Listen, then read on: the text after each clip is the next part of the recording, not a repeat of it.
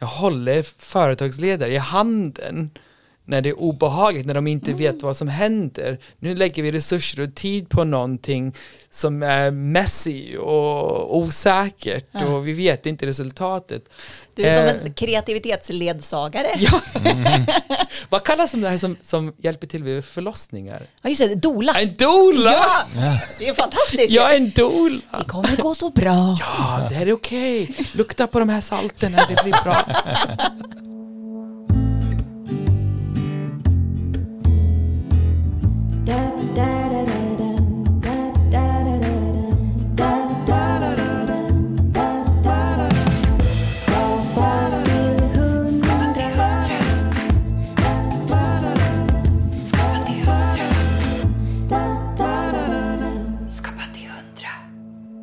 Idag träffar vi Samuel West som är doktor i organisationspsykologi och kreativitetsforskare. Vi pratar om de viktigaste ingredienserna för att skapa en innovativ organisation. Om världssuccén The Museum of Failure och om varför misslyckanden är så otroligt viktigt för kreativiteten. Du lyssnar på Skapa till 100, podden om det kreativa livet. Jag heter Joel Nyberg. Och jag heter Maja Sönnerbo.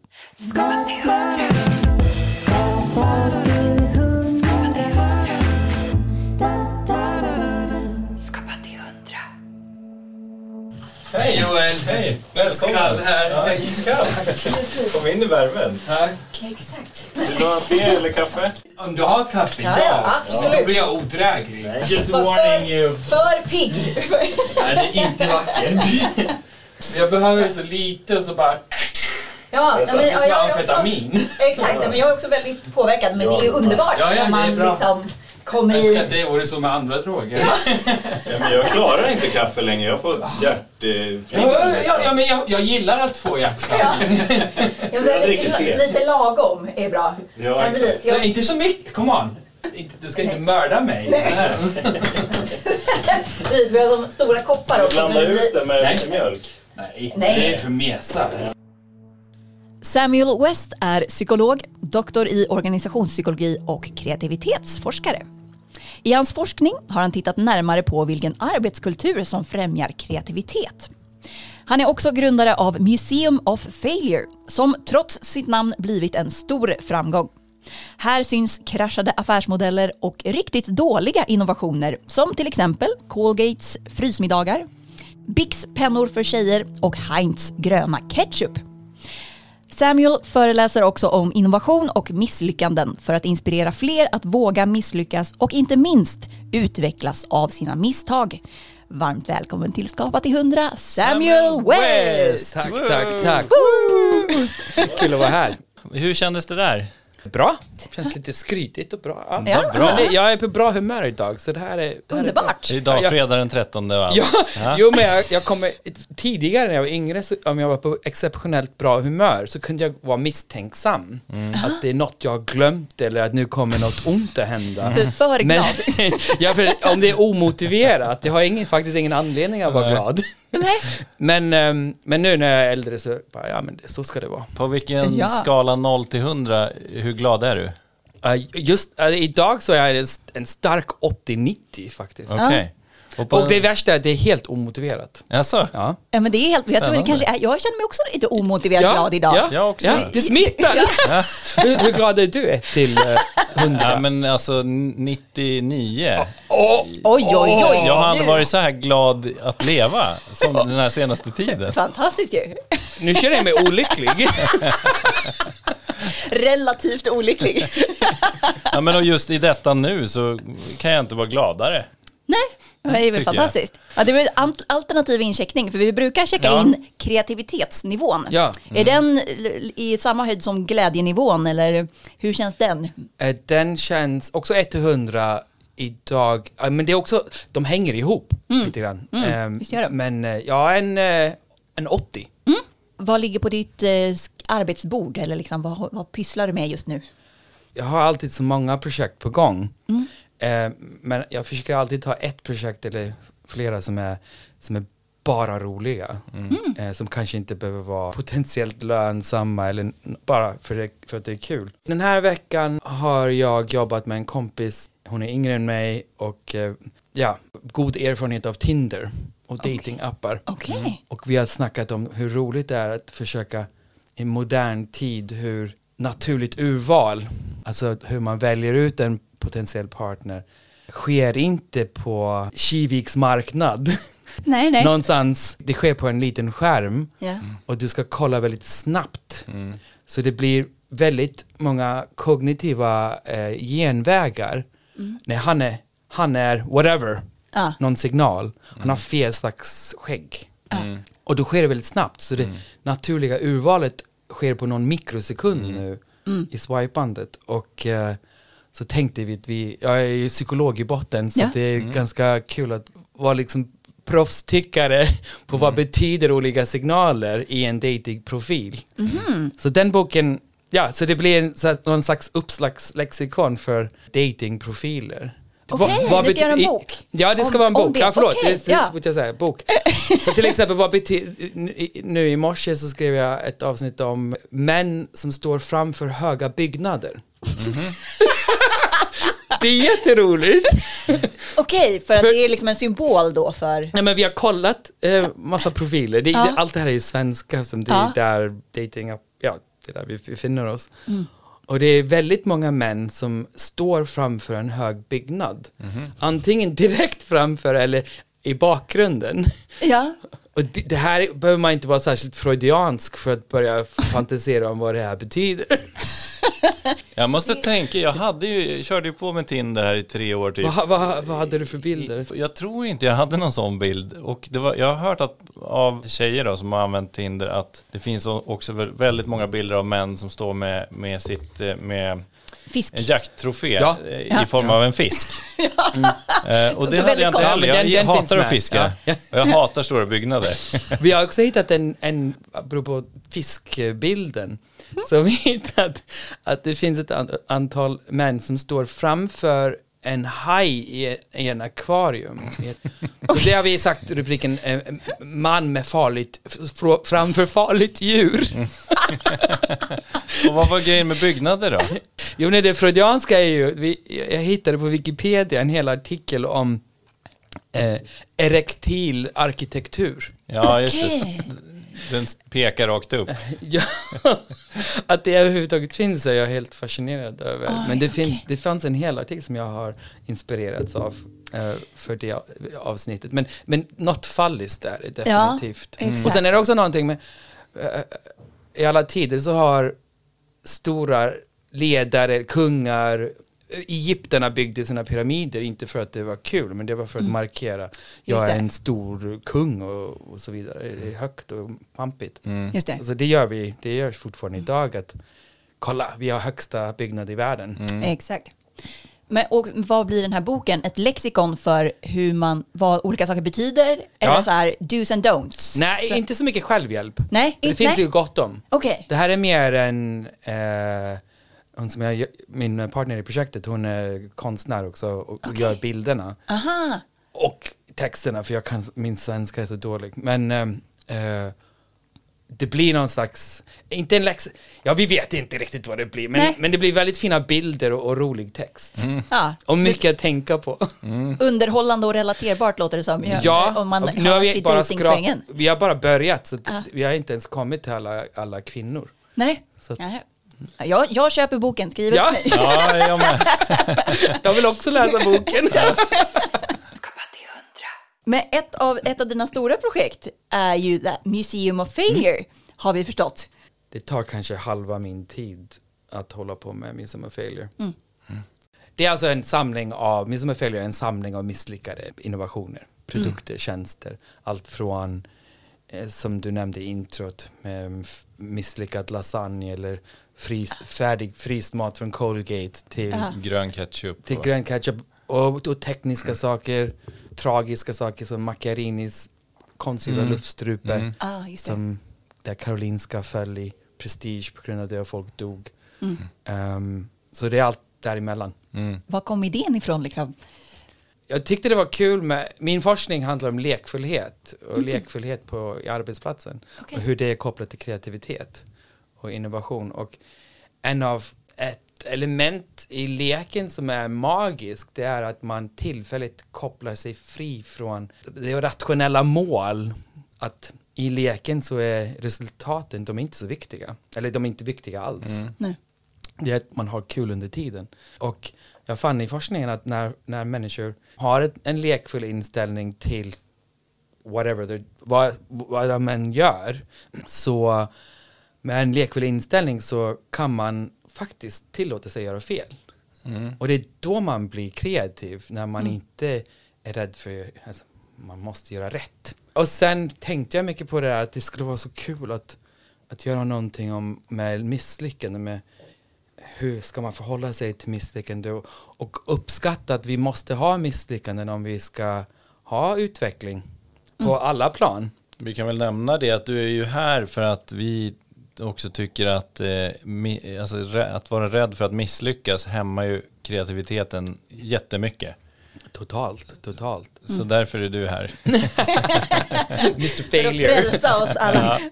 Nej men det var, det, det, var, det, var, det var där som fröet var. Men jag visste inte vad jag skulle göra med jag, tyckte bara, jag visste inte vad jag skulle göra med den här kunskapen. Och sen var jag och besökte eh, 2016 i Kroatien ett museum, museum som heter Museum of Broken Relationships.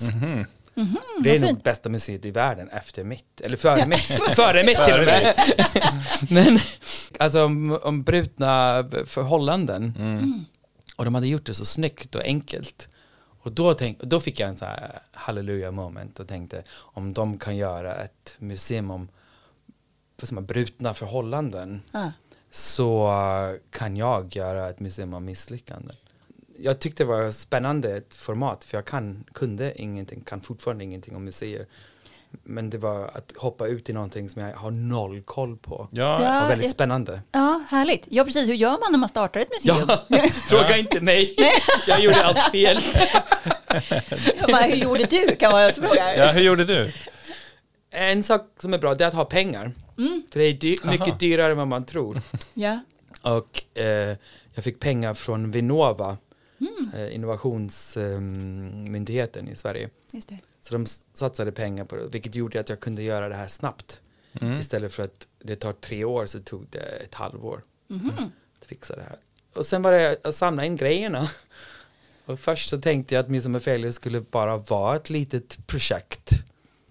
Jag har drivit massa innovationsprojekt och det här skulle vara ett roligt sånt projekt. Men innan vi ens öppnade så var det en hel sida i New York Times Wow. eller en halvsida kanske till att börja med, men Ja. så här, det blev direkt eh, en global nyhet. Och det var två månader innan vi öppnade. I I, Helsingborg. lilla fjuttiga Helsingborg. Ah, precis. wow, vilken grej. Jaha. Ja, det blev så stort immediately. Ja. För att det var sådär något som folk tyckte var intressant, typ.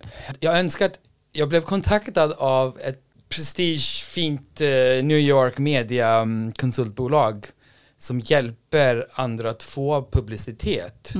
We're the best in the world, säger de. Och sen hörde de av sig till mig och ville prata med mitt PR-team. Du bara, it's me. Det är jag och min praktikant. och vi är båda psykologer och vi kan ingenting. Wow. Så det var, eh, ja, det, det, ja jag, jag vet inte hur och var, varför, men vi är så trötta på finslipare, perfekta PR, kolla allting är vackert och fint och perfekt.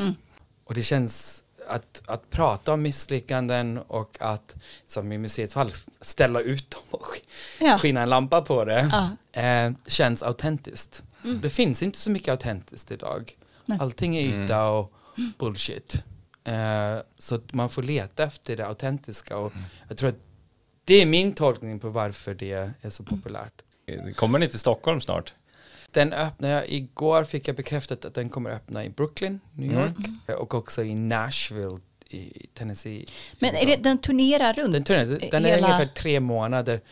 Eh, give and take Ja. på varje ställe. Jag öppnar gärna i, i Stockholm. Ja, men nu när du jag, jag, har, hit. jag har ingen lokal så hallå! Hallå, precis, vi efterlyser en lokal här i våran poddstudio. The world's most fucked up little museum. Ja, exakt. Precis, ja, men för när jag har varit i Asien och Ja. i USA och Ja. eh, på massa andra ställen, Ja. eller? Jag Ja. har varit överallt. ja, wow.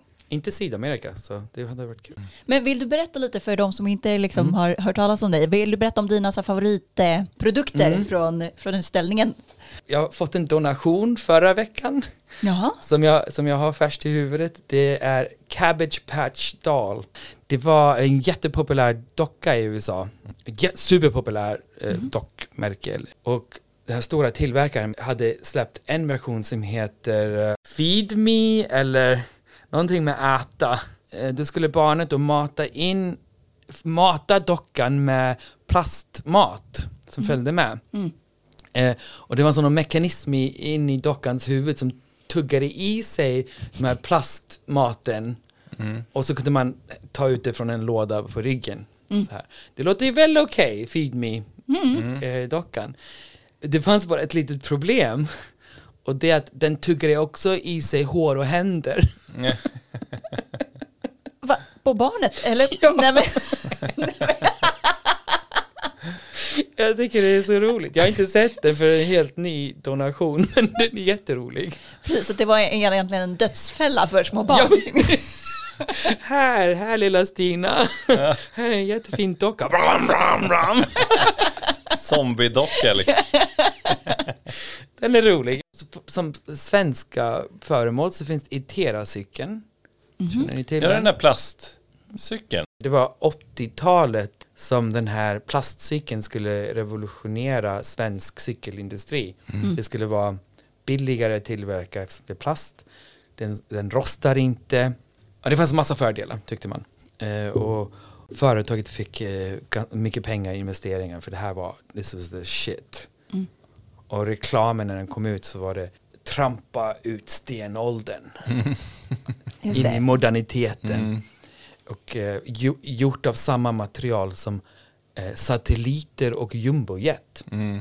Kan Man undrar hur många jumbojet är gjorda av plast, men det kanske vi inte behöver diskutera. men, men så den, den kom ut där 80-talet och eh, ja, den var dyrare att tillverka, den gick sönder, den rostade inte men gick sönder och framförallt så vinglade den. Just det. Vilket är ingen bra okej. egenskap för en cykel. Nej. Nej, Det var någon journal- journalist som skrev eh, Den ser ut som en krokodil Men rör sig som en anakonda precis. Det är som så här, den här styrstångsfyllan är inbyggd liksom. Precis, exakt. Precis, men, och det här med tandkrämsmat, alltså det undrar man ju också hur de tänkte. Co- Colgate, Ja. ja. Va, vad var det? Colgate Det här är en intressant historia bakom allt det här Ja. För på museet så har vi en rekonstruktion Av en Colgate lasagne Så googlar du på Colgate frozen food eller någonting Så får du bara den bilden så Vi har så att säga, skapat en verklighet Men den lådan gjorde min praktikant Jaha, Så det är en, kon, eh, konstru, eh, en konstnärlig konstruktion, eller återskapande. Så jag läste i eh, branding failure, vad är det, varumärkes Just det, failure. misstag. Ja. Eh, om den här grejen som Colgate gjorde på 80-talet, om, där de lanserade frusen mat. Eh, och jag hittade inte så mycket mer information, för det var ju det var innan internet och sådär. Mm.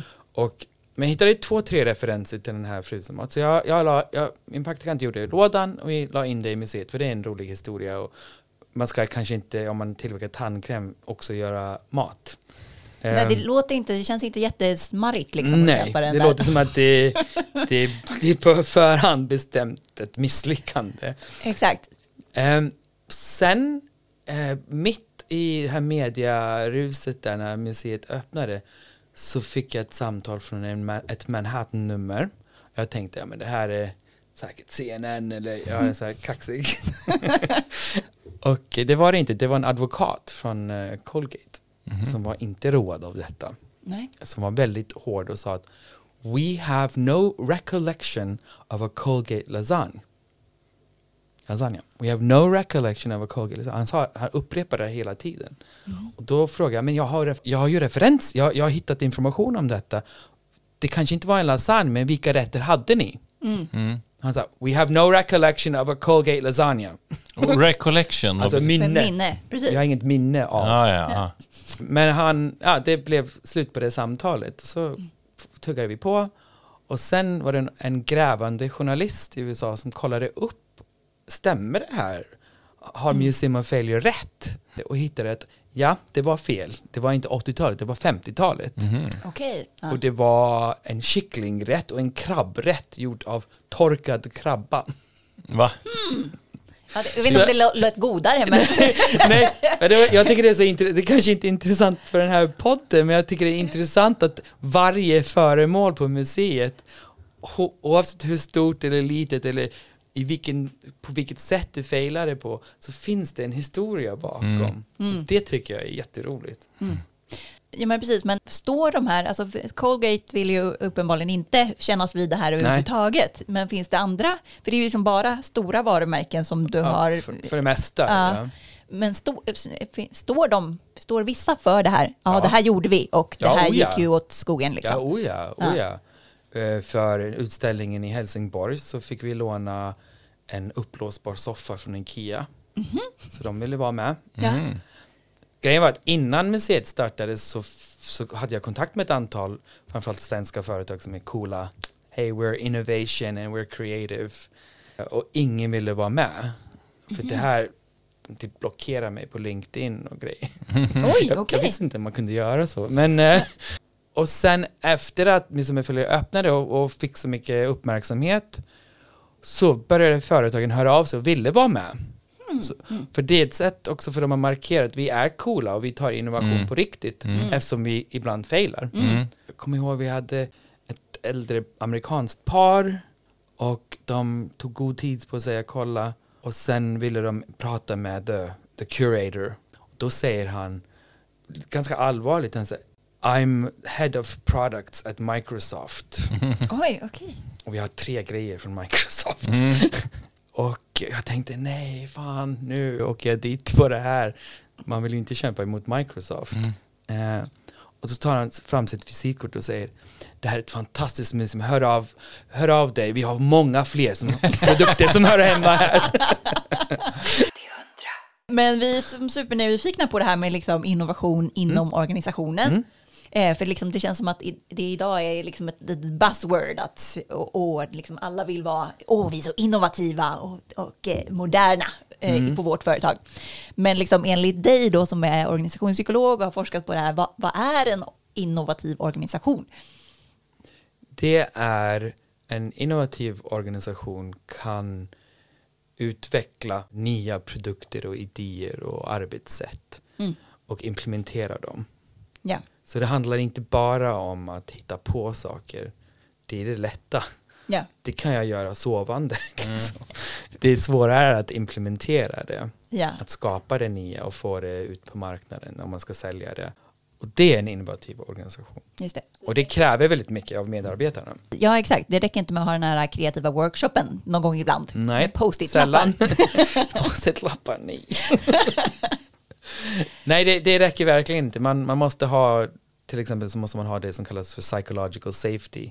Ja. Som är en, det finns inget bra svenskt ord för det. Psykologisk trygghet. Trygghet, ja fast Ja. Det, det är mycket mer än så. Det, det är känslan av att i teamet, eller i arbetslaget, att man kommer inte att straffas för att presentera den oslipade idén eller att ställa den dumma frågan eller att vara sårbar inför gruppen.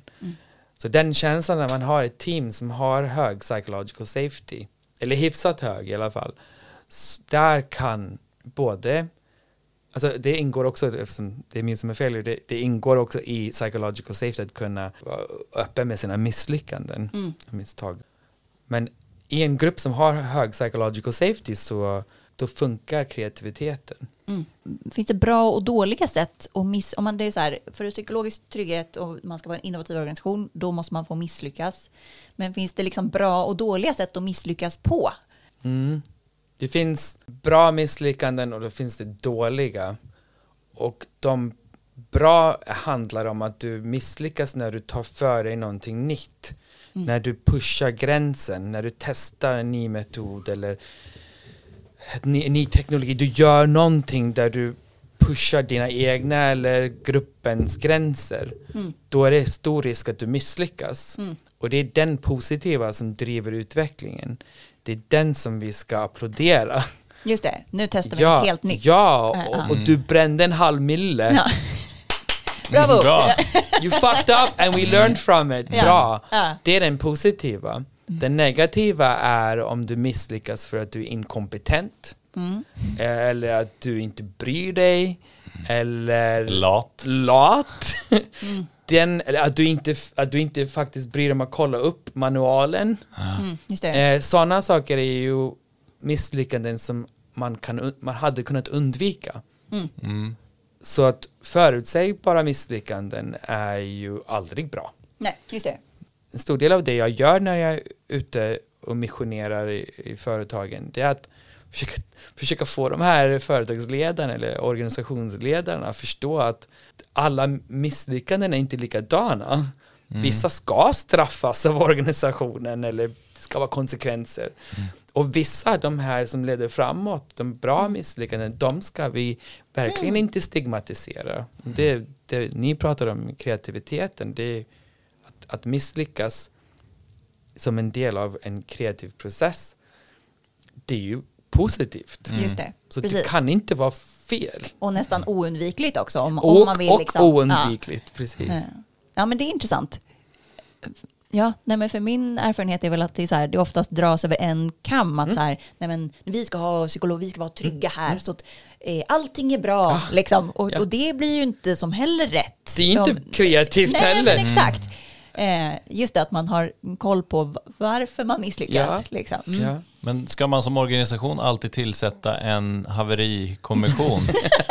som man gör när, när ett flygplan har störtat eller eh, liksom ett, en båt har gått under. Ja, alltså det är ju kanske inte så dumt att du nämner, nämner flygplanskrasch. De är jätteduktiga på att undersöka varför det gick fel, Mm. för det är så allvarligt och folk dör. Eh, när ett projekt misslyckas, det kostar en massa pengar. Eh, och när det misslyckas så vill man veta varför. Och då är det regeln nästan så i praxis att man hittar första bästa förklaring. Mm. Och så säger ja, då vet vi det. Det funkar inte för att det och det hände. Och så går man vidare till något som känns mer, mindre obehagligt. Ja. Just det. Mm. Eh, och forskningen visar att nej, men stanna upp och var lite mer som flight aircraft in crash investigations. Mm. Svarta Alltså, lådan. Liksom. Ja, Exakt. gå in och kolla ordentligt vad som hände och lär dig och, och, och prata om det. Ehm, men det görs inte för att det finns ja, in, det är psykologiskt, alltså psychological safety och också för att vi människor undviker ju obehag precis som Mm. alla andra djur. Och det är obehagligt att prata om sina egna misslyckanden Mm. och eh, teamets misslyckande. Så då, Bara vi gå går vidare, till nästa projekt. Mm. Så man skulle vinna mycket på att, att faktiskt stanna kvar i de kanske initialt i alla fall obehagliga diskussioner om misslyckande. Ja men precis, för det, det där är ju också lite så här eh, psykologiskt att när man väl tar tag i sådana obehagliga, det man tror är obehagligt så blir det inte så Nej, det är obehagligt. sällan så hemskt som man tror. Ja, speciellt när man märker att andra accepterar det Ja. och chefen Ja. accepterar det. Och, Precis. Ja, och det är väl också typ i bästa fall ett sätt att vända det här. så här, Okej, det här gick ju åt fanders liksom. Mm. Men okej, men om vi kan göra det här till någon lärdomar som Mm. kommer typ organisationen till gagn så blir det ju inte helt waste. Nej, nej Även om verkligen man, inte. Även om man förstås önskar att Ja, det hade varit kulare såklart. om det hade blivit succé. Såklart, Liksom. såklart. Men tänker du att alla organisationer skulle ha sitt eget så här museum of failure? Ja. ja. Ja, det tycker jag. Ett Ja, men, speciellt om det är ett företag som, som är tillräckligt stort, där de har faktiskt fysiska produkter. Mm, just det. Då borde de ha en egen Museum of Failure faktiskt. Det finns ett antal som har, som har börjat, eh, inte, inte några svenska som jag kommer på, men som har efter någon föreläsning av mig eller att de har besökt Museum of Failure så har ledningen bestämt att de ska ha en egen. Underbart ju. Ja, det är jätteroligt. Ja. Jag önskar bara att jag fick de skickade produkterna Ja, till mig. det. När och var är du själv som mest kreativ? Min fru är sjuksköterska Så hon går upp ofta klockan fem. Och det är ju inte en, it's not a godly hour. Mm. och då vaknar jag och då kan jag ibland gå upp och så kan jag gå och lägga mig igen. Och då har jag de mest crazy drömmar och crazy shit happens. Har du så här vakendrömmar? typ ja, att du lucid dreaming och kreativa jag behöver drömmar? inte ta LSD, jag kan Nej. bara somna om på morgonen. Det är inte varje dag, men det, jag gör det ganska ofta. Och då händer det crazy shit in the head. Så får du mycket idéer då? Ja, Är du en idérik person då? tyvärr. Tyvärr. Ja, Tyvärr så är du det. ja, det, för jag, jag försöker ibland verkställa idén och det, då går saker åt helvete. Majoriteten är förstås helt bizarra tankar och associationer och, och bilder som inte ska verkställas. Men ja, jag tycker att det luckrar upp. Det är precis som man tar psykedeliska preparat. Det, man, man, man förlorar den här eh, kopplingen till verkligheten och då är det friare. Precis, det är inte så mycket rationalitet inblandat. Ingenting. Nej, nej, ingenting. Men är det vissa saker som har liksom blivit någonting, liksom blivit ett projekt eller, har det kommit, eller är det bara sådär uh, crazy ideas som kommer? Mång, många har blivit projekt i- och inte så många har blivit framgångsrika. Jag sparade till besvär. Ja, jag, jag, hade, jag jobbade med Museum of Disgusting Food var Oj. ju en sån. Ja, har du gjort det alltså? Ja. Wow! Eh, så att, eh, jag tjänade rätt så mycket pengar på Museum of Failure väldigt snabbt. Ja. Och så, vad ska jag göra med de här? Och så fick jag en sån här crazy idé Ja. om att det skulle vara kul att ha ett museum där folk kräks. Nej, men, Eh, Jag är halv islänning, ja. halv, Ja. halv amerikan och jag kommer ihåg som barn på Island så som vi, när vi fick gäster från wherever i världen så, så tog jag dem ner till mark, fiskmarknaden. Där kunde man få smakprov på rutten surhaj. Så, oj! Som surströmming. Den, din, reaktion, din reaktion är helt rätt. Och surströmming is for children. Okej.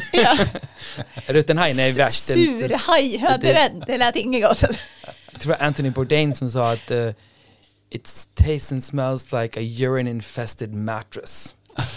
Ja, jag kan tänka mig det. Så jag tyckte jag var roligt att gå ner dit och så sa jag ju till eh, våra vänner, eller de som besökte mina föräldrar och whatever, att, att men det här äter vi varje dag på Island och sådär och det här.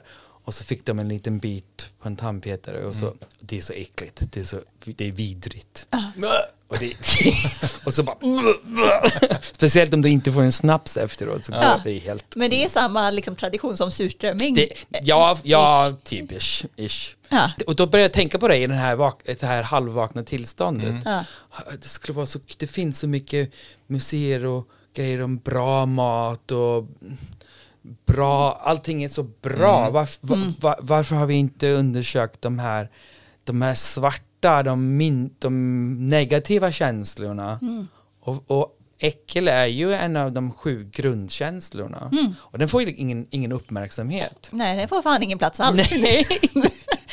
Så den finns i Malmö och så finns den i Berlin.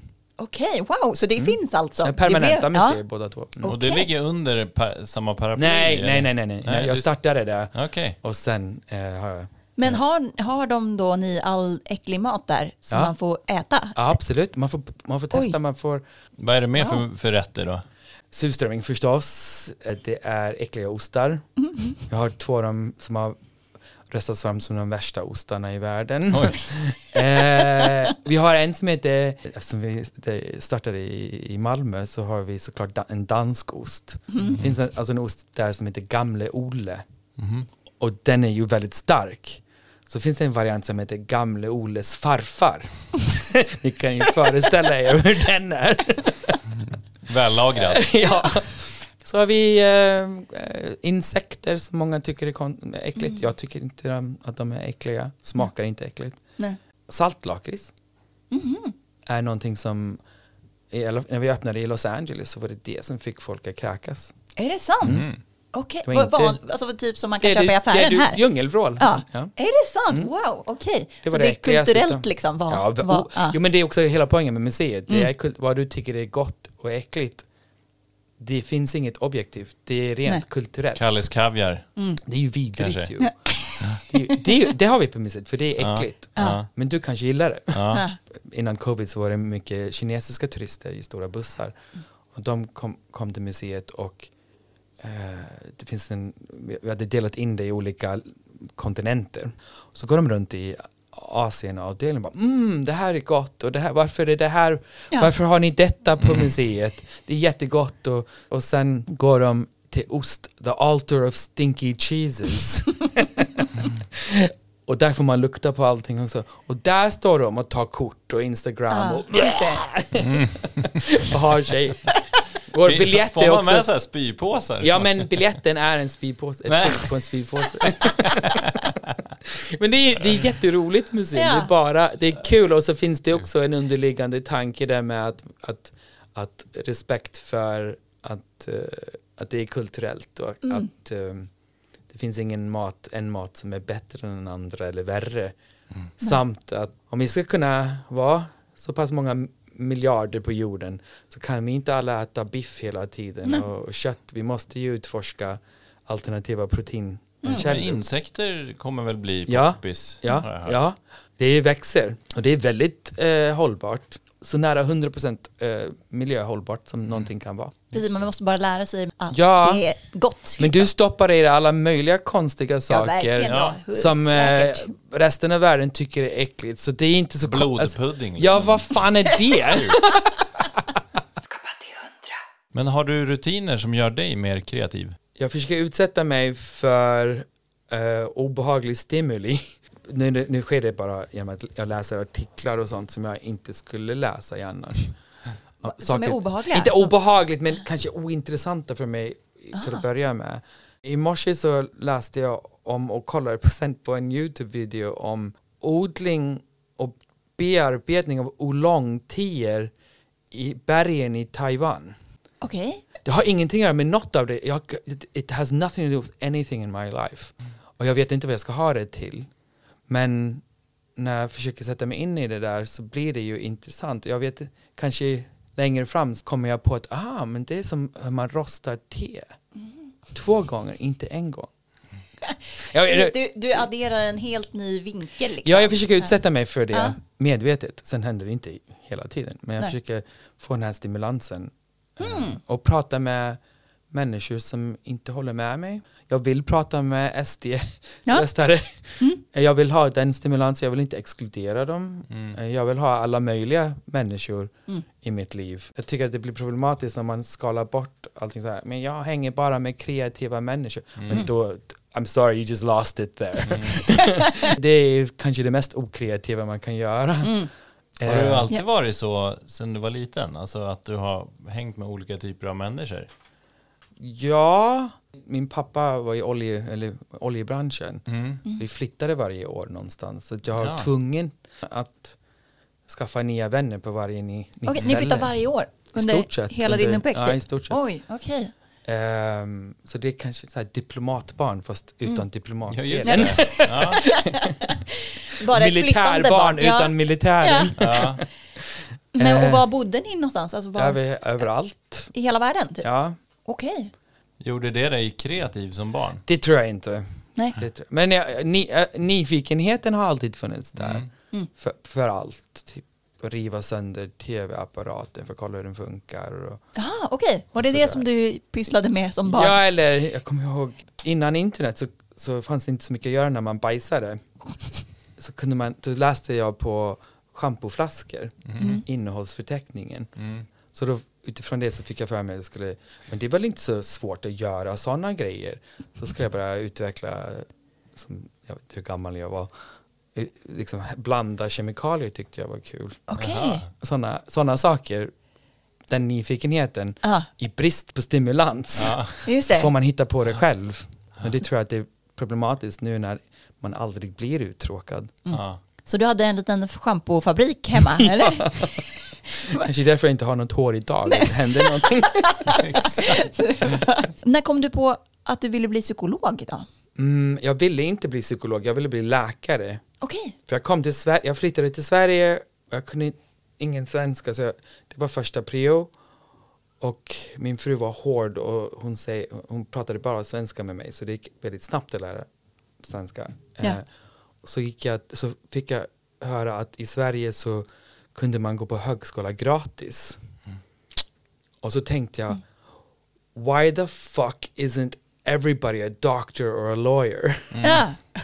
Eh, Så jag gick till eh, Arbetsförmedlingen och så brett frågade hon personen där, handläggaren, hon frågade någonting och vad, vad är mina mål? Jag sa att jag ska bli läkare. Mm. Och så började hon skratta.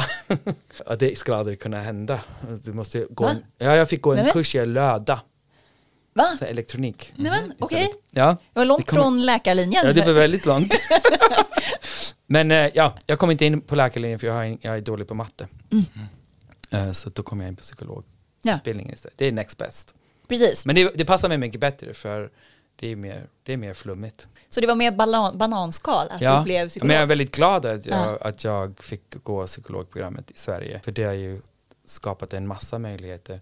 Så det finns ingenting man gör som inte är relaterat till psykologi på något sätt. Eh, Exakt, Mm. precis. Det är svårt att slippa undan Ja, det är svårt. psykologin. det följer. Exakt. Och det här med liksom kreativitet och innovation, hur kom det in liksom som intresse? Jag jobbade jättemycket 2005, 2007 jobbade jättemycket och så började jag få samma symptom som mina patienter. Oj då. Ja, a.k.a. stresssymptom och sova, allt det där. Som, Ja. som, eh, när man inte har balans så fuckar det upp massa grejer. Mm. Då bestämde jag mig för att ta ett, ett, ett sabbatsår. Mm. Så att jag sa upp alla mina uppdrag och så flyttade jag och barn och fru till Sydafrika ett år Mhm. och gjorde ingenting. Och jag skrev en bok. Okej. Jag jobbade ju ingenting. Då kom jag på att jag ville bli dok- eh, PhD. Eh, Jag ville forska eller någonting och inte gå tillbaka till konsultkneget. Ja. Och det var där jag kom i kontakt med Eva Hoff och gänget. ja, på Lunds universitet. Ja, och, och skrev ihop en ansökan för att vara doktorand i just kreativitet. Och, och jag tänkte först att jag ville forska om engagemang på arbetsplatsen och hur det är kopplat till kreativitet. Mm. Att, att, att vara lycklig på jobbet, hur det, det var mitt huvudintresse då. Mm. Lycka och kreativitet. Och sen stötte jag på en kvinna i Cape Town av bara en slump som sa, men har inte du tänkt på det här med lek och lekfullheten? Mm. Och rekommenderade en bok som jag läste sen stående, den var så bra jag kunde inte sätta mig. Wow, vad heter boken? Ja, den hette Playful Brain, tror jag. Okej. The Playful Brain. He- Helt fantastisk bok. Och, ehm, och då, då var det halleluja, jag ska forska om lek Mhm. kopplat till kreativitet. Och det, det är ju samma röra, lycka. Ja, här, exakt. Väldigt ihop. Ehm, men det var, det, var det, ro, det var jätteroligt att upptäcka lekfullheten Mm. som en approach. Inte som en aktivitet, men som en approach till livet och det man gör. Mm. Som vi pratade om lite innan, att så här, vår kultur är ju väldigt sådär, f- söker framgångsstoriesarna och och är också väldigt sådär, eh, hur gör, alltså väldigt logiskt liksom. Ja. Hur gör man? Ja. Hur, eh, eh, så Ja, ge, här, ge oss receptet. Exakt. ja. Exakt, så att det här lekfulla blir väl lite sådär undanskuffat ja, det är inte kanske. så viktigt. Nej. Nej. Jag tycker att vi, vi förlorar så mycket när allting ska vara så resultatorienterat och Mm. Produktivt. Eh, det var någon så här, det här klassiska, är du lönsam? Lille vän. Lille vän. det är, den, det, är det Ja. som jag tycker stör. Även fan. hobby ska vara, om, om man säger, men jag, jag gillar någonting, whatever. Mm. Ja, men hur, hur ska du kunna marknadsföra det? Ja, precis. Jag tycker att jag gillar business och grejer, jag gillar att tjäna pengar, jag gillar den, the hustle och grejer där också. Men Också. jag tycker att det blir, när det blir bara det så Mm. blir det extremt tråkigt. Skapa till hundra. Eh, När jag började forska i- där i Lu- Lund så man ska inte söka på, googla på adult play På jobbdatorn. på jobbdatorn, hemma, fine. Precis, var det det här vi gav anslag för? Det här statliga skattepengar används för. Det var tre studier i den här avhandlingen. En, I en studie, den första, så intervjuade jag kreativitetskonsulter runt om i världen. Okej. Och, och är intresserade av hur de ser på lekfullheten kopplat till kreativitet. Mm. Och hur de, ifall de använder leken som ett verktyg för att locka fram kreativitet. Allt det här är jobbrelaterat. Mm. Eh, då. I och med det försökte jag hitta vad är leken? Det var då jag fattade. För jag tänkte först att leken var att man gjorde grejer. Att på Googles kontor så spelar de basket eller Ja, pingis exakt. eller Mm. någonting. Och det var lekfullhet, tänkte jag lite naivt i början. Mm. Men det tog inte lång tid tills jag fattade och den här första studien visade att leken är, jo, det, det kan vara en aktivitet, men det är den lilla och minst intressanta delen. Mm. Det är mycket mer intressant att se på lek som en, in, it's an approach, som ett en inställning, en attityd, Just det.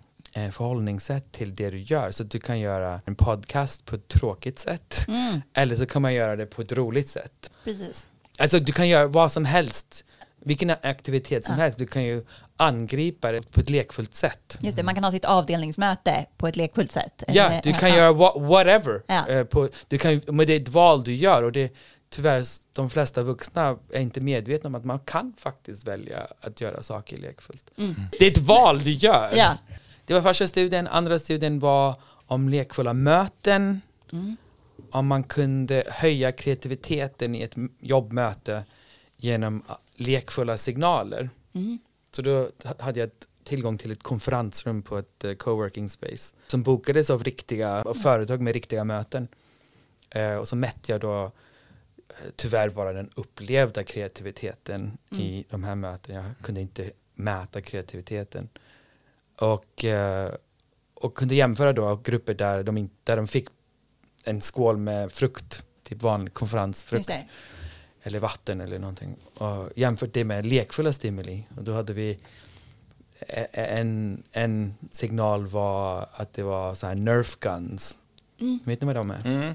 Man skjuter små Man skjuter- pil, mjuka pilar på Ja, precis. Skumgummi-missiler. Mm. Så det var en stor skål med det och de här pistolerna. Utan några instruktioner, bara låg på bordet. Och jag visste ju aldrig vad mötena skulle handla om. Men ehm, det var glasväggar där så jag kunde observera vad de gjorde där inne. Mhm. Utan att vara en del av Ja. mötet.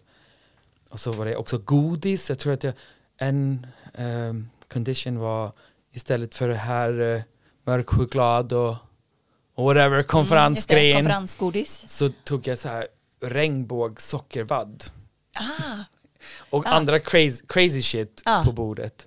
Ut, också utan någon förklaring. Det var efter pausen så kom de in och så var det någon crazy blå sockervadd på bordet. ah. Eh, så det är en som tyvärr funkar inte så bra, det var elchocksleksaker. jag tyckte de var roliga. Va, då- Och så- Det blev inte kreativt av det. ja, ja, det, det funkar också. Så körde vi flera grupper och eh, resultatet där var att eh, de här, bara det att det finns någonting tramsigt, lekfullt Mm. i någon signal i rummet så upplevdes eh, mötena som mer eh, kreativa. Mm. Så det var intressant. Och den tredje var, så tänkte jag nu, det är den viktigaste studien, så använde jag, eh, jag hittade, jag, under tiden så upptäckte jag improvisationsteater. Mhm. Det finns ett antal instruktörer som jobbar med improvisation ute på företag. Mm. Eh, och det var det bästa jag hade hittat som en organiserad lek som ändå finns. Det Mm. existerar redan ute eh, i, i, i arbetslag. Så tillsammans med några improvisationsteaterinstruktörer så körde jag flera arbetslag, mätte deras gruppkreativitet och individuella kreativitet Mhm. innan. Så fick de köra improvisationsteater tre tillfällen under ett antal veckor och så mätte jag efteråt. Då kunde jag mäta deras riktiga, alltså med riktiga mått. Okej. Eh, och det funkar. Mhm. Improvisation hjälper till. Och improvisation, konstigt nog, handlar också, det är ju en del av en form av lek. Och, och där är det också det här att, att du ska våga göra bort dig, våga, Mm. våga misslyckas väldigt viktigt. Mm.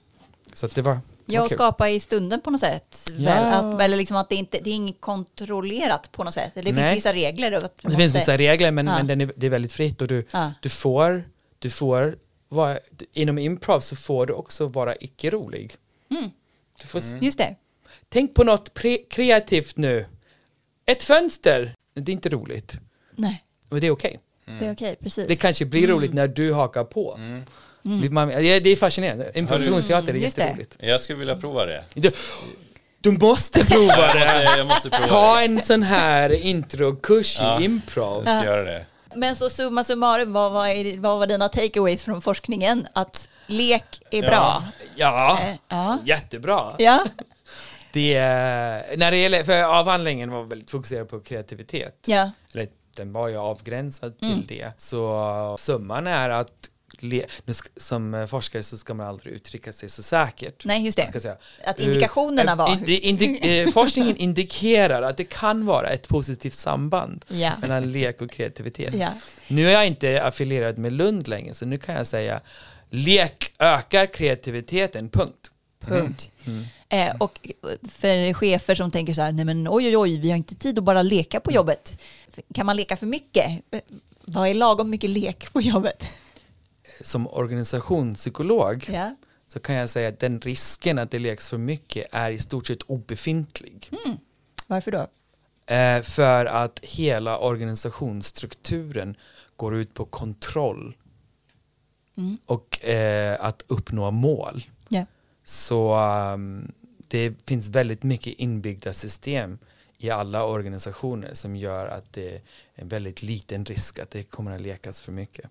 Just det, för man har fortfarande kvar sina mål och eh, måste liksom ändå allting jobba annat. Ja, prestera, exakt. Ja, Ja. Precis. Men det kan vara för mycket, för mycket lek så är det ofta så tänker man ofta att det blir att det blir att någon blir utsatt eller att det blir något negativt. Mm. Eh, att, att det blir mobbning. Det är ju inte lek, det är mobbning. Mm. Eller att det blir om leken gör, om du jämt spelar dataspel på jobbet och gör, inte gör ditt jobb. Mm. Är det för mycket lek? Ja, det är alltså, då, det, du gör inte ditt jobb. Nej, just det. Så man kan leka, man kan ha ett lekfullt sätt för Ja. när man gör sitt jobb. Ja, det är precis. det som är grejen. Ja. Och om vi nu ska vara också lite rationella med det här, äh, om vi ska göra ett recept för en kreativ Ja. organisation. Psykologisk trygghet, Psychological safety, ja, ja. det är viktigt. Ja. Vad är det fler, mer som man behöver? Nu, pratar, nu får ni en vinklad version här. Ja, ja, ja. Ja. Vinkla på. ja, vinkla på. Eh, psychological safety är viktigt. Mm. Att man har tillfällen eh, för lekfullhet. Att, att, man Mm. upp, att man främjar det, eller tillåter det. Eh, och det betyder att man, det måste finnas utrymme eh, i organisationen för icke-produktivitet. Mm. Det finns det redan. Det kallas eh, värdegrundsarbete och annat som man kan syssla med som är inte relaterat till mål och ganska meningslöst. Mm. Så det- sådana ritualer finns redan, Mm. men de låtsas vara på väg åt något håll. Liksom. Det här är viktigt. Mm. Jag menar om man kan ta och säga, men strunt i det och ta, ta perioder där du kan utforska någonting i ditt arbete utan att det behöver leda till någonting Just det. i, omedelbart i alla Ja. fall. På så här, teoretiskt snack så heter det organizational slack. Mhm. Jag tänker sig en lina som är fastspänd. Mm. Då finns det inget spelrum. Just det. Eh, och så knäcks den när det blåser. Mm. Men finns det, liksom, finns det spelrum där att den är lite slak Mm. så finns det utrymme upp och ner. Just det. Eh, och det är det man menar är bra för kreativiteten. Precis, man kan inte hela tiden vara på deadline liksom och Nej, jaga att sällan- leverera liksom. Sällan någon små, små tramskreativitet kan ju hända på en deadline men de stora idéerna kommer inte då. Jag har tänkt mycket på det här med pengar och resurser Mm. för nu är det ju kris då. Ja. Eh, det finns ganska mycket forskning som visar att ja, det är bra när det finns gott om resurser för då kan man ju tillåta sig att slänga pengar eller resurser på, på saker som kanske inte omedelbart leder någonstans. Mm. Men eh, det är också ett problem med för mycket pengar och för Mm. mycket resurser. Då blir det inte kreativt heller. Just blir- då kan man då- bara betala sig ur problemet. Precis, typ. precis. Mm. Så det kanske finns en, jag har tänkt mycket på det nu med alla rubriker om eh, nu går vi in i en lågkonjunktur om hur man kan, hur det kan faktiskt för innovation och även kreativiteten vara en fördel. Man måste väl vara ännu mer innovativ om man har mindre pengar. Ja, precis. Då, då, är det kanske, då är det kniven mot strupen. Mm. Ja. Ja. Så lagom mycket pengar. Så här, inte för mycket Ja. och inte, men inte ingenting. Då blir det också Ja. kanske svårt. Ja, jag tänker i fantasin så skulle det vara att du har jättemycket pengar ett år och väldigt lite nästa så får du variationen där. Varannat. Kaos är bra. precis. Man ska ha lite högkonjunktur och Att alltid ha dåligt liksom. med pengar är ingen bra heller. Nej, men på tal om eh, så innovation i organisation, så jag läste någonting som du skrev som jag tyckte var intressant om just det här innovationsprocessen i sig som brukar finnas i bolag. Vi jobbar på det här sättet i de här faserna med innovationer. Att det, liksom processen i sig kan göra att medarbetare känner sig så hämmade och okreativa. Ba, hur, hur ska man jobba med innovation för att det ska bli kreativt? Liksom? Oj, det här är en jättesvår fråga. Eh, I en organisation så bygger det på att saker och ting ska vara rationella. Och då är det viktigt då är det väl viktigt med processer, men de kan också vara en belastning. Och det finns ett fantastiskt begrepp som jag tycker har inte fått någon uppmärksamhet som heter technology of foolishness. Det är en av de största organisationspsykologerna, så här, ett stort, största namnet. Han eh, i en små liten artikel så lanserar han begreppet the technology of foolishness versus rationality. Han menar att hela organisationen bygger på rationella premisser och att allt styrs med det. Men han tänker för innovation så måste vi ha technology of foolishness. Vi måste ha motsats. Ja. Där inser jag ju lekfullheten som en del av det. Mm. Att man måste kunna släppa det här ibland. Allting i en organisation kan inte vara rationellt. Nej. Allting kan inte vara resultatstyrt. Mm. Allting kan inte vara mätbart. Vi måste ha ett utrymme där för foolishness. Det som verkar konstigt och dumt. Ja. Så det är bra att ha en process, men man ska också ha lite slack där så man kan ha lite... Ja, jo, en process, man- någon slags process ska man ha, absolut. Ja. Jag, är inte, jag, jag, jag, jag kanske framstår som anti-metoder och antiprocesser, jag är inte det. Jag tycker bara att man istället för att släppa in the crazy shit och risktagandet och det här som organisationer kämpar så mycket för att kontrollera bort. Istället för att släppa in det, så ibland så hänger man kvar vid processer och mot, mot metoder in i absurdum. N- Vid något tillfälle så måste du släppa det. Ja. Och det är det som är obehagligt. Jag, ibland så tänker jag på mig själv att jag, att jag är någon slags, ehm, jag håller företagsledare i handen när det är obehagligt, när de inte vet vad som händer. Nu lägger vi resurser och tid på någonting som är messy och osäkert Ja. och vi vet inte resultatet. Alltså, men det är lugnt, det spelar inte så stor roll, det är okej. Ni har råd med detta. Du är som Eh. en kreativitetsledsagare. Ja.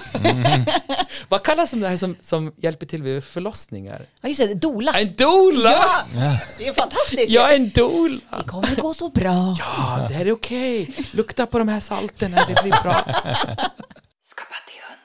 Om du får ge dina liksom, bästa tips då för om man, vill, om man har en organisation eller ett team och känner så här, vi skulle vilja bli mer kreativa, innovativa. Vad, vad är dina bästa tips?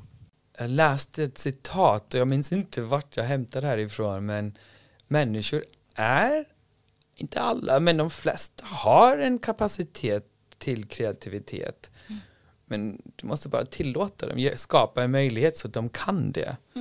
Och förvänta dig kreativitet av dem, eller slash innovation.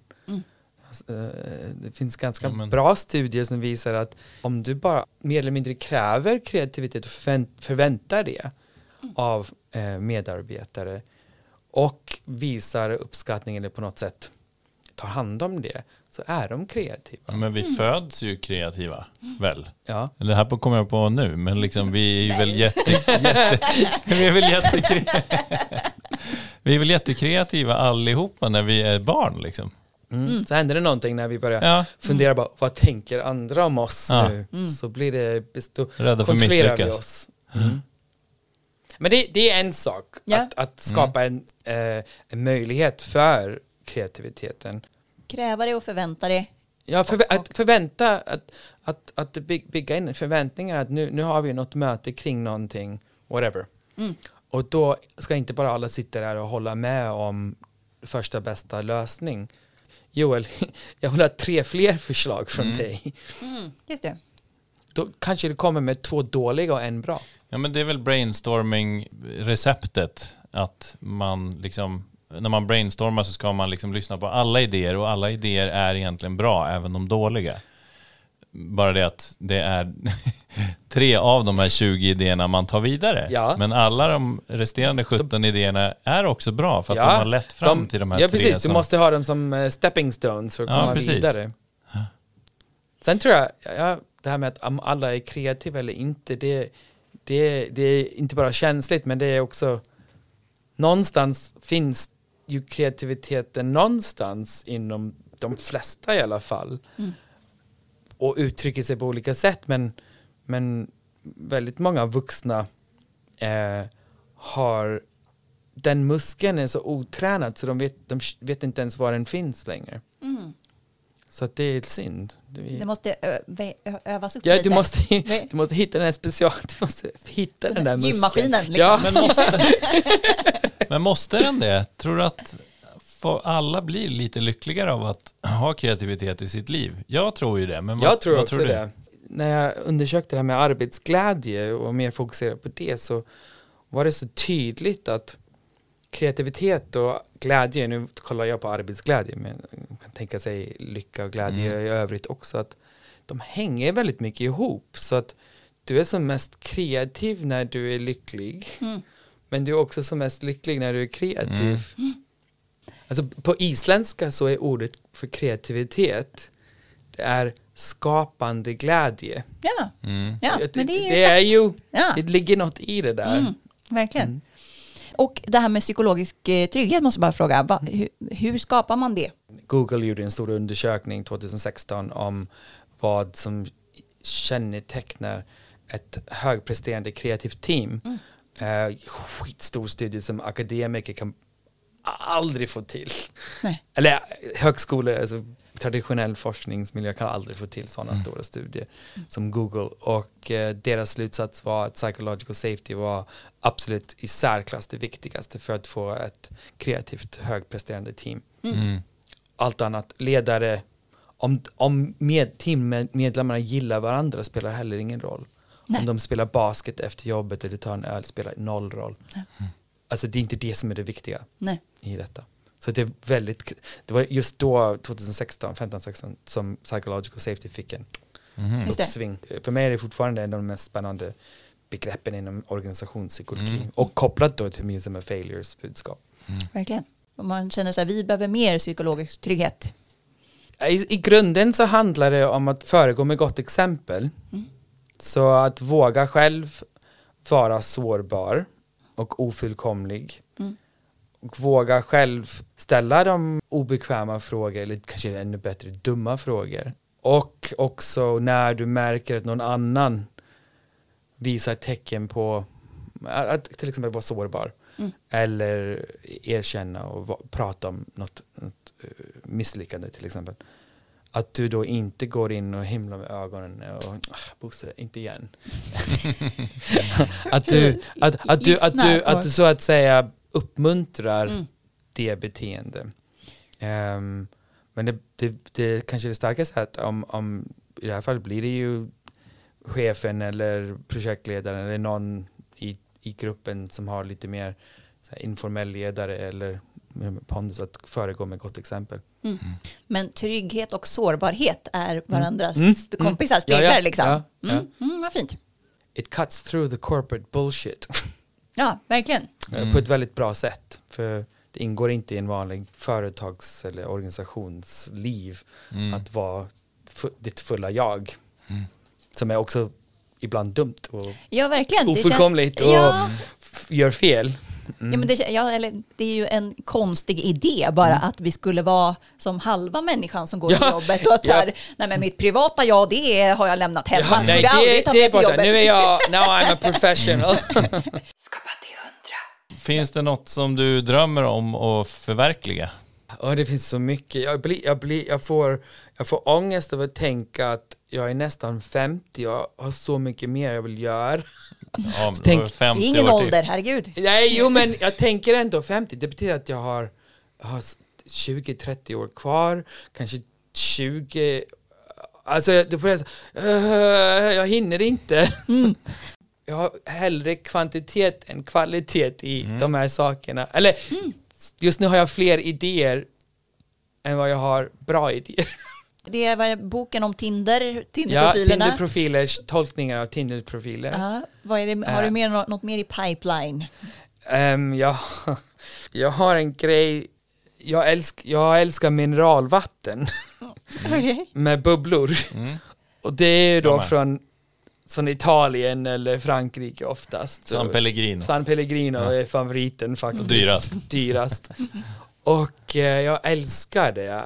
Eh, och så har vi köpt en Sodastream här och Stockholmsvatten är väldigt gott. Mm. Ehm, men det är ju inga mineraler i den. Nej. Eh, och när du kör Sodastream då har du bubblor i vattnet men det är fortfarande inte San Pellegrino. Mm. Så nu har jag köpt en massa salter Oj, och okej. en knarkvåg.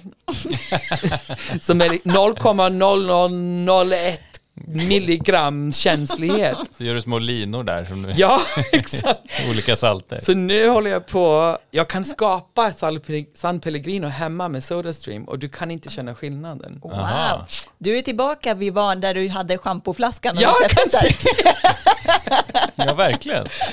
Det, det är jätteroligt, så nu, nu, nu, nu har jag ett Excel-blad med kalkyler som jag inte gjort själv. Jag hittade det här på nätet. Jag kan slå in vilken, vilket vatten, nej nu vill jag ha Perrier. Så slår jag in det och så får jag veta exakt hur många mikrogram som ska Wow. blandas för att skapa det. Men Och det är så jävla bra!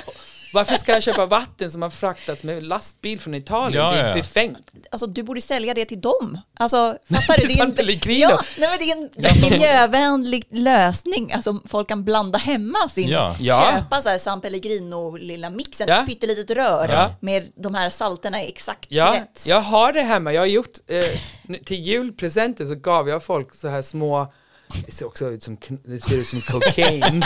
så små påsar. Men det här låter ju som det här det klimatsmarta vattnet. Alltså typ att frakta vatten över hela världen är Det- ju helt idiotiskt ur so klimatsynpunkt. stupid! Det- Ja men och det kommer ju bli förbjudet tänker jag. Alltså Hoppas varför det. ska man, om man inte har vattenbrist? Speciellt i Sverige. Exakt. Ja. Det här vattnet från kranen i Stockholm, det är, Det är ett av de bästa. Exakt. vattnen i världen. Och Det här, måste ju vara bättre än ja, plastflaskevatten. Liksom. ja, det måste vara det. Ja. Ja, så då borde ju de sälja sina Tycker jag, mineraler. tycker jag också. Det är ju, där har du San framtidens... Pellegrino, if you're listening. Och vilket är ditt bästa tips för att bli mer kreativ? att våga dagdrömma. Eller, eller dröm, alltså det här vakna, halvvakna tillståndet som jag pratade om tidigare. Att inte vara rädd för sitt, e- sina egna tankar. De flesta människor tar hellre en elstöt än att sitta stilla utan stimulans i tio minuter så tar de hellre en elstöt. En obehaglig elstöt. Det Ja, visst, så, har de gjort en någon Ja, det undersökning? finns ett flertal studier. Så, och det är tragiskt att vi, kreativiteten kommer ju inte utifrån.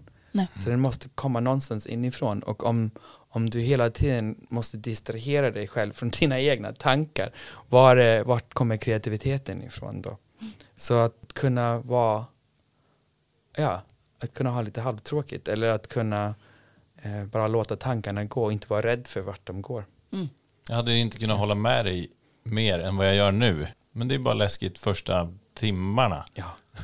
Timmarna, Ja, det känns som en evighet. Ja. Nej, egentligen bara först. Ja. Man märker att det inte är så jävla farligt. Nej. Och det finns något där. Man Ja. kommer på massa saker. Ja, men visst är det märkligt att vi, att vi har en sån välutvecklad hjärna och inte bara kreativiteten men hela känslor, det liksom kognitiva Mm. registret. Har allt det här inom oss och sen väljer vi att, att, att kolla på någon stupid YouTube-film Mm. istället bara för att distrahera oss. Mm. Ja. ja, jag undrar om alltså, människorna på stenåldern, Mm. var de rädda för sina egna tankar? Men tänk bara hur obehagligt det hade varit att leva då utan en, en telefon och vara rädd för sina tankar. Ja, exakt. Då hade du hoppat av en bro ju. Ja. Ja, de, kan man ju inte ha, de kan ju inte ha varit rädd för sina tankar. Nej, jag det- tror nej, inte det är exakt. möjligt Exakt. faktiskt. De var ju rädda för lejon. Ja, liksom- eller vargar i skogen Ja. och sånt. Som monster och sånt. Mm. Precis, så det är liksom en, på, en genom tekniken pålagd rädsla. Ja, Liksom. ja. Väldigt Ja, intressant. att Det, man och det, är- man är rädd för det man är obekant med. Exakt, det är som mörk, det. eh, liksom mörkerrädsla. Mm. Om det var Winston Churchill eller någon annan elak eh, citatmaskinsnubbe som sa I, I've made a habit, han frågade varför är du så framgångsrik eller så smart? Så svarar han I've made a habit out of uh, thinking for 15 minutes every day. You should try it sometime. Mm. Det Precis. ligger något i det där, att det kanske inte behövs mer än 15 minuter av ja, att, jag, att stanna kvar i, med sina egna tankar för att Mm. både hitta eh, ro eh, men också att om man inte har något mantra i huvudet när man mediterar eller mm, för det är också en distraktion mm, precis. eh, att faktiskt gå in i de här tankarna Mm. det kan man också Mm. göra Ja, Ehm. vi, vi, det är många gäster som har pratat om det. Per Holknekt som var här Mm. pratade, kallade det för tomglo. Mm. Det tycker jag är ett ja, väldigt jag bra gillar det, ord. Ja. Alltså det typ att ja, man behöver inte göra något annat än att sitta och glo lite helt Ja. enkelt. ja precis Och kolla vad, vad som kommer. Liksom. ja och då kommer det grejer Ja. om man inte samtidigt gör någonting annat Precis. ja, ja han har rätt Mm. Bra, nu har, har en, en professor, en doktor sagt det ja, också. precis. Ja. nu, du har Nu, rätt Per. du har rätt. Exakt. Tack snälla för att du ville komma hit. Tack, det Tack var jättetrevlig eh, diskussion. Det var, Ja. känns som att tiden bara... Exakt, ja, vi hann inte med alla våra frågor så du får väl komma tillbaka Får, någon får, gång. får jag lägga till Ja. någonting i efterhand? Ja. För jag, jag tänkte, hur ska jag förbereda mig för uh, kreativitetspodd? Ja. Ehm, så tänkte jag, ja, jag ska ändå representera någon slags vetenskap och sådär. Mm. Eh, så, ja, vilken är min favorit kreativitetsstudie? Ehm, och det är en studie om hur, jag tycker den här är så rolig. För kreativitet är ju attraktivt, om man tänker sig i, i, i evolutionärt. Mm. Så eh, en, en, en man som är stark är ju attraktiv evolutionärt. Mm. Eh, och en man som har hög social status är det, och pengar. Men kreativitet är också det, har man sett. Mm. Och då har några evolutionsforskare, kreativitetsforskare, kollat, ehm, kollat på det här lite närmare. Då har de sett, eh, de har bett eh, män, och kvinnor, eh, eh, män och kvinnor då, att göra en kreativ uppgift. Och så har de skickat in en attraktiv man eller kvinna in i rummet. Och då har man sett att när för män, när det finns en attraktiv kvinna i rummet eh, så presterar de mer kreativt. De är mer kreativa. Mm. Okej. Eh, det funkar tyvärr, kvinnor gör inte det. De, de bara, I don't give a shit. så då har man spännat ut, vad, vad, är det, vad är det som pågår? Jo men då är det att i och med att kreativitet är ju en attraktiv faktor i ett naturligt urval så presterar vi män då, vi ökar upp prestationen när vi tror att det finns någon chans för ett, ett naturligt urval. Tolkningen är ju att kreativitet är också någonting du kan välja att visa mer eller mindre. Mhm. Och de här forskarna drog det ännu längre, vilket jag tyckte är roligt. De, de menar på att det finns även män då som tar på sig attribut av kreativitet utan att vara kreativa för att vara mer attraktiva. En basker. Ja, det fanns, en, det fanns en blogg här i Sverige för kanske tio år sedan eller så som hette Män, reklamare som bär halsduk inomhus. Just det, typisk kreativitetssignal. Ja men det är ju det, eh, eh, alltså halsduk inomhus och så, ja, I'm a creative type. Och Jag, jag älskar den här evolutionära eh, tolkningen av Ja. våra beteenden och sen forskningen där att det faktiskt stämde. Ja, men jag undrar varför det inte funkade för kvinnor då? Varför blev inte kvinnor mer kreativa när det kom en attraktiv man? Ja, det vet jag inte. Nej, det, det tycker jag var konstigt. Ja, För jag tänker att båda parter, om man nu är heterosexuell, vilket man inte ska förutsätta, men liksom, det borde väl ändå vara, om man bor i en grotta på savannen eller vad man nu gör, det borde vara bra om båda parter är kreativa. Det borde ändå vara en för, ja liksom, fast fördel. evolutionär, ev, evolutionärt så är det ju framförallt kvinnan som väljer partner. Det, Mhm. det är hon som väljer det, Så det är mannen framförallt, ska mannen sina väljer också, men, ja, men det är Ja. kvinnan som väljer vem som har de finaste fjädrarna. Mm. Så är det, för, det, mest, för det mesta. Så är det kvinnan som gör valet, så är det mannen som måste ha Step på sig up. halsduken Ja. och basken.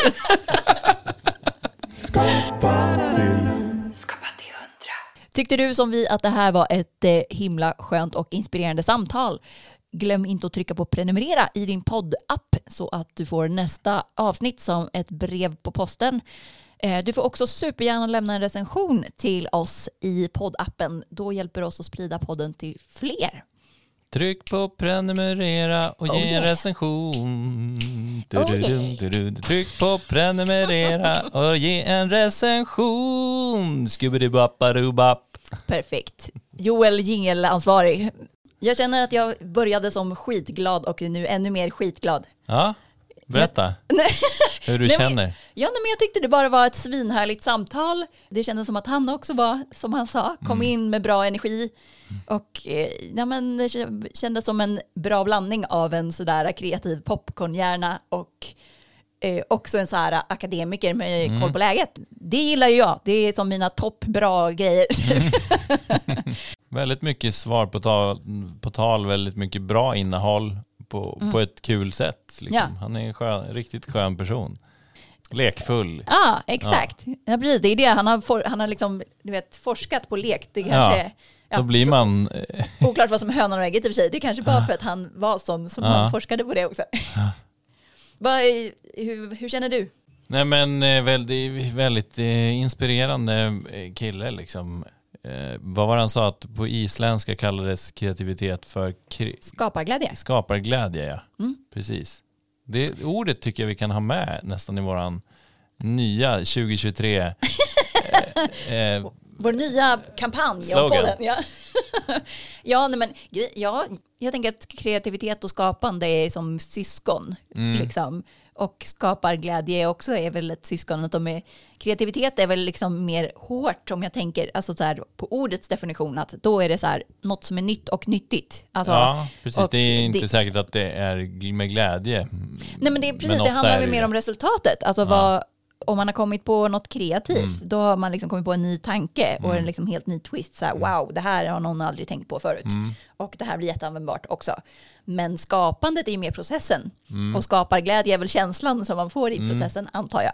Precis. Eh, så de hänger väl ihop alla tre som ett nystan på något Ja. sätt. Eh, men jag tar med mig också det där med, med just det där att, det, och det har jag märkt nu bara senaste tiden när jag, alltså jag vaknar ofta på så sjukt bra humör. Jag går och lägger mig ganska tidigt och vaknar vid sex, runt sex liksom. Och då ligger jag kvar, då kollar jag inte Instagram på en gång eller mailen eller, utan då ligger jag och halvsover, lite som det här som han sa, att han är lite halvvaken. Och, så, och så liksom, ja men och jag är väldigt på bra humör där. Jag är liksom nollställd, har inte fått massa intryck från massa idioter. Va? Men, Va? eller från nyheter eller från liksom hu, hu, all skit som händer. Ja. Jag har en skön känsla i kroppen, men det är nog jämfört med tidigare för att jag sov dåligt tidigare och nu Mm. har jag varit på det här meditation, Vipassana meditations Exakt. retreatet. Nu måste du ju berätta, i Kai Pollaks Ja, avsnitt ja. så berättade du, då skulle du precis åka iväg Mm. på Vipassana, Mm. tio dagars meditationsretreat. Mm. Ge oss rapporten Joel, vad, vad hände? Har du kommit tillbaka till som en ny man? Mm, nej, jag har kommit tillbaka som eh, ännu mer Joel tror jag. Ja, det är underbart. Ja. Berätta, hur var, hur var upplevelsen? Men att logga ut från allting, eh, liksom internet och telefon och inte träffa sina nära och kära ens. Alltså då blir ju definitionen av en själv, ens ego, ditt själv, ditt jag som är associerat till din karriär, Mm. till vad du presterar, till vad du har för bil, vart du bor. Mm. Allt sånt försvinner ju. Mm. Alltså du får umgås med ditt riktiga jag. Och det, eh, det låter inte så flummigt nu när jag säger det, men Ja, men jag, jag fattade sådana saker lite mer, liksom sådana här själsliga saker, eller oavsett om man tror på själ eller inte. Men, men det här handlade i alla fall om att först sitta och meditera i form, och det, det är ju ofta i form av att man fokuserar på någonting. Mm.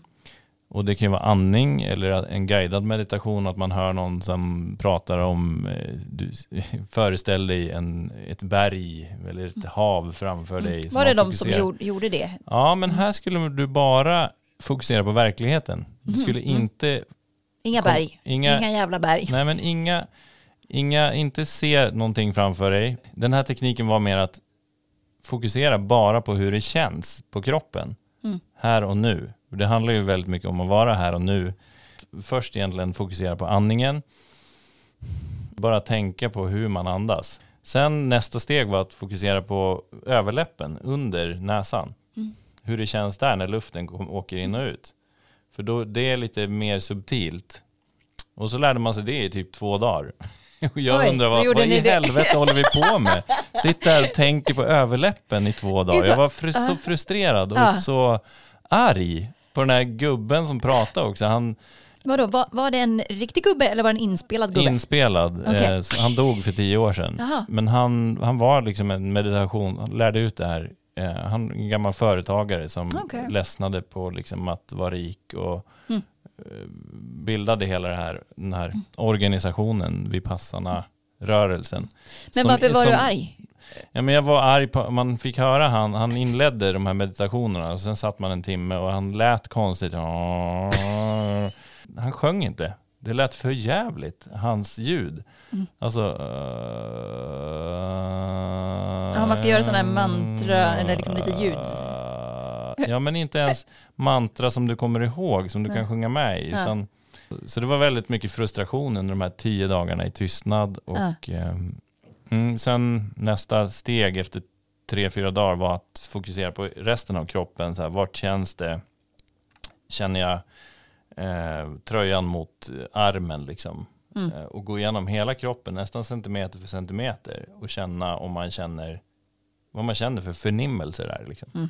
Och sen gick man in i kroppen och känner alla känslor. Och även om man har ont i ett knä, för man sitter i så här lotusställning typ. Mm. Eller någonting, så fokuserar man på det och så står man ut med det en stund. Och så även ångestkänslor eller så frustration, att jag var uttråkad, den känslan fokuserade jag på Mm. en kvart. Och så bara, fan nu har den gått över. Jag, Mm. jag orkar inte vara frustrerad längre. Nej. Eller efter en minut. Mm. Observera känslan och sen eh, gör Just det, om man vågar det. möta känslan så kan man både undersöka vad det är för någonting men också att den inte är för evigt. Ja, Att det går över typ. ja, för annars kan det läggas på, om man får ångest och ilska så fort någon säger något till mig så kan jag bli argare och argare för varje gång det Mm. sker. Liksom. Så jag bygger upp, Vadå, så har de det här på kursen eller? ja, Aha. så jag bygger upp liksom en, en, ett jättemycket ilska kring om du säger något om min, min, mitt tunna hår. Som jag brukar. Ja, eh, precis. Som jag själv brukar ta upp. okej. Eh, nej men, och det har jag aldrig byggt upp en ilska, men jag hade kunnat gjort det liksom. Ja, ja. För att jag, har jag reagerat första gången, då kommer jag bli Just det, det är känslomässigt en- minne. ja, att just det. ännu Ja. argare nästa gång. Mm. Så det, och det här handlar om, om man bara observerar, då försvinner de här gamla jobbiga ångestminnena eller Mm. ilskminnena. Eller, Mm. Det låg jag faktiskt och tänkte jättemycket där när jag låg i min våningssäng. Jag bodde i en våningssäng. Mm.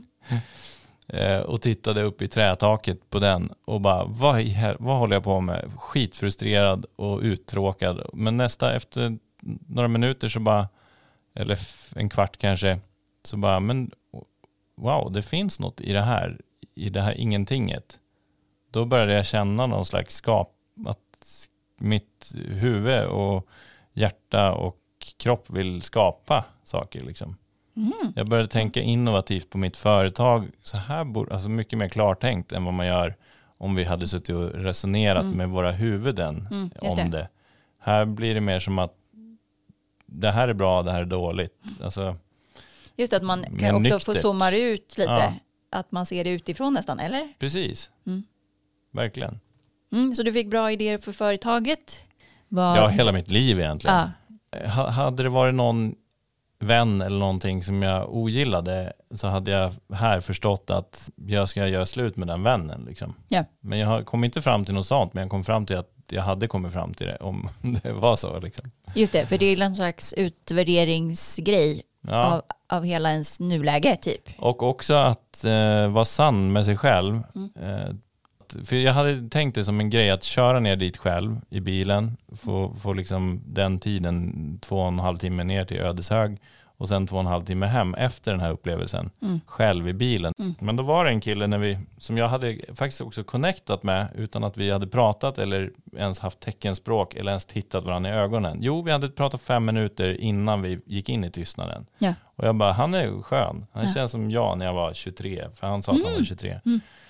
Jag kände inte varför, men vi klickade och så sen hamnade vi bredvid varandra. Av, av 49 andra män så hamnade vi bredvid varandra när vi fick börja prata. Mm.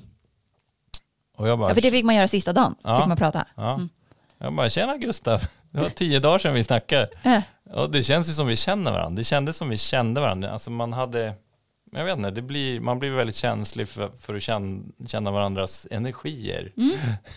Just det, man har stängt av nästan allt. Så Ja. då blir man känslig för det som finns kvar. Typ. Ja, exakt. Precis som man känner de här förnimmelserna på huden Mm. tränar, man, tränar man upp också. Mm. Jättekänslig nu när jag äter också. Att det smakar mycket mer. Kanske för att jag slutar snusa. Men, men allt det jag gör eh, känns lite mer liksom. Mm. Eh, Men han, ehm, och då, då tänkte jag så här, han, han kommer ju fråga om han får åka med mig till Stockholm. Och jag bara, jag kommer säga nej då. För jag, jag vill verkligen ha den här tiden. Mm. Dåligt för miljön, skitsamma. Jag måste lyssna på mig själv här. Mm. Och jag behövde verkligen den tiden. Och han förstod mig på en, på en gång. Jag, för jag sa, jag, behöver, jag har faktiskt tänkt att åka tillbaka själv. Du får åka tåg. Ja.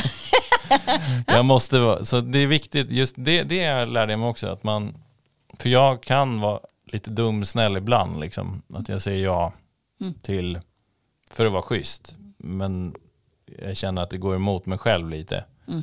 Så det lärde jag mig också. Mm. Lyssna på mig själv först. Då är jag mer behaglig att vara med. Ja. ja, eller jag tycker du alltid varit behaglig att vara med, men, men alltså, jag tror ju definitivt på, på det. Alltså att om man bara kliver över sig själv eller liksom ska offra sig själv liksom, så blir Ja. det ju inte något bra för varken en själv eller andra. Ja, det pratade slut. vi ju ganska mycket med Kaj om Ja. också. Exakt. Men nu när du har kommer liksom kommit tillbaka till det verkliga livet och du liksom har jobbat här och du liksom poddar Mm. och är igång med ditt också skapande som du har, har i ditt kreativ eller ditt vanliga liv. Mm. Känner du någon skillnad på hur du jobbar eller hur du liksom förhåller Ja. dig till saker? Jag har inte haft minsta stress eller ångest den här veckan. Mm. Alltså sådär, jag menar inte stor ångest utan mer så här, åh, nu är det morgon och jag måste hinna det här. Det har Mm. jag inte haft. Nej. Det är mer så här, det ordnar sig. En, en eh, sekund, en minut i taget liksom. Ja. Jag känner mig ganska harmonisk och fokuserad. Mm. Eh, Men du har inte gjort några så drastiska grejer när du, som du låg och tänker på så här, "Åh, vi borde göra så här i företaget. Du har inte börjat liksom göra några ingrepp i Nej, jag hade, ha, hade lite idéer som jag pratade med Max om. Jag har i, inte några idéer för podden, så där gör vi nog perfekt rätt allting. Precis, precis. Vi hade märkt om du hade stormat in och bara Hörni! Nu ska vi göra så här!" Nu får det vara nog. Nu får det vara nog! Men du, eh, på tal om dagens samtal, Mm. vad, vad tog du med dig därifrån? Bekräftelsen på att både han och, och, och så många säger att det finns något i, i, i att tomglo. Tomglo mer. Ja, Precis, det är, det, det är den banan du är inne på. jag är inne mer. på tom, ingenting. Ingenting. Exakt. Ingenting skapar någonting. Ja. Jag blir väldigt taggad på att leka mer. Jag tycker det är tänkvärt att det är så viktigt för kreativiteten. Jag tycker det var roligt också med den här typ så här regnbågsfärgad sockerfadd. Ja. För det är ju också någon så här, just att man tänker så här, "Ja, men det kan väl fan inte spela någon roll Mm. vad det står för någon jävla kakor på bordet liksom. Men det är kul att sådana saker är så här signaler till oss, att vi uppfattar att ah, det är något skitkonstigt godis, Mm. så här, ah, att det typ väcker en lust liksom, i oss som blir kreativitet. Det är Mm. Ja. jättespännande. Det är kanske det man ska ha, så här, nytt fika. Det är kanske det vi ska ha i podden. Nytt fika varje gång. kreativt poddfika. Regnbågsfika, sockervadd. Så här, jättestort sockervadd som... Ja, fy fan. Men vi har ju lite problem med att våra gäster nästan aldrig äter något fika. Nej, Tog han någon precis. kaka? Nej, ingen kaka. Det var vi som åt kaka. De brukar ju knappt dricka kaffet de får. Men Nej. jag tror han drack. Han det. drack kaffe, föredömligt. Han drack, han drack kaffet. Jag, jag håller koll på gästerna. Har vi något slutord till våra lyssnare? Eh, lek på. Kan man leka och tomglo samtidigt? Ja, om man ser tomglo som en del av, av leken. Alltså se, se livet som ett dataspel där man leker. Men glor på olika saker som en lek. Ja, och där man ska skapa en bra, bra gubbe i det här lekspelet, eh, livet. Då, då kan det vara bra tomglo. En bra gubbe, vad roligt. I, Eller gumma, i, alltså avatar. ja, liksom, exakt. I, om man ser livet lite så. Liksom. Precis, man vill boosta sina sådana här eh, olika staplar med Ja, olika precis. så här, kreativitet, lycka, Ja. eh, energi. ja, men det är ju så egentligen. Precis, då ska man sätta sig med sin lilla gubbe och Tomglo. tomglo Ja. varje dag. En liten stunds Ja. tomgloende. Det kan vara en minut eller 15 minuter eller 30. Mm. Do it! Ja, prova. Skapa